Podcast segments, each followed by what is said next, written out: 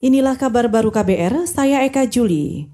Saudara PT Angkasa Pura II menyebut penumpukan penumpang di Terminal 2 Bandara Soekarno-Hatta disebabkan dua faktor. Faktor pertama, karena penerbangan yang jadwalnya lumayan bersamaan. Faktor kedua, menurut juru bicara Angkasa Pura, Yado Yarismano, adalah proses verifikasi dokumen sebelum keberangkatan adalah proses verifikasi dokumen sebelum keberangkatan yang membutuhkan waktu lama setelah kami evaluasi, ini memang kami perlu mengatur kembali nanti flow dari penumpang ketika melakukan pengecekan di Terminal 2, khususnya untuk pengecekan dokumen-dokumen tersebut. Plus juga kami sudah berkoordinasi juga kepada seluruh uh, stakeholder untuk mengatur lagi mbak slot slot penerbangannya. Jadi biar pada pada waktu-waktu jam tertentu itu tidak terjadi penumpukan penerbangan sehingga bisa di, disebar di jam-jam berikutnya gitu sehingga tidak ke depannya tidak akan terjadi lagi seperti ini. Juru bicara Angkasa Pura II Yado Yarismano mengakui penerbangan kemarin merupakan yang paling padat. Itu terjadi semenjak pemerintah mengizinkan moda transportasi mengangkut penumpang dengan kriteria tertentu.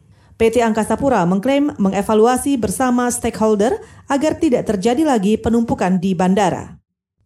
Pemerintah provinsi ini mengintensifkan koordinasi untuk mewaspadai gelombang kedua penyebaran COVID-19. Kepala Dinas Kesehatan Jawa Barat, Berli Hamdani, memprediksi gelombang kedua itu diperkirakan berasal dari pelaku perjalanan luar negeri. Menurutnya, Hal tersebut berpotensi membawa virus SARS-CoV-2 penyebab COVID-19. Ya, di antaranya adalah dari tenaga kerja Indonesia yang direpatrialisasi, kemudian juga dengan pelajar mahasiswa yang juga kembali ke Indonesia ya karena di negaranya saat ini semua pembelajaran juga dihentikan karena kasus eh, COVID-19 ini. Kepala Dinas Kesehatan Jawa Barat, Berli Hamdani juga menambahkan, gugus tugas percepatan penanggulangan COVID-19 provinsi itu memfasilitasi kepulangan 120-an warga Jawa Barat dari sejumlah negara sejak pekan lalu.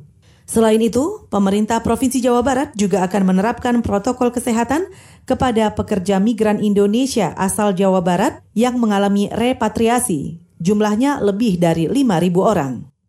Organisasi Kesehatan Dunia atau WHO memperingatkan dunia bersiap dengan potensi munculnya kembali infeksi virus corona.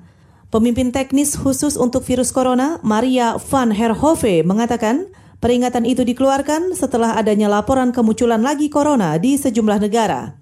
Herhove mengatakan sejumlah negara seperti Korea Selatan, China, Singapura, hingga Hong Kong yang sempat berada di titik nol pandemi baru-baru ini melaporkan kembali kasus baru corona.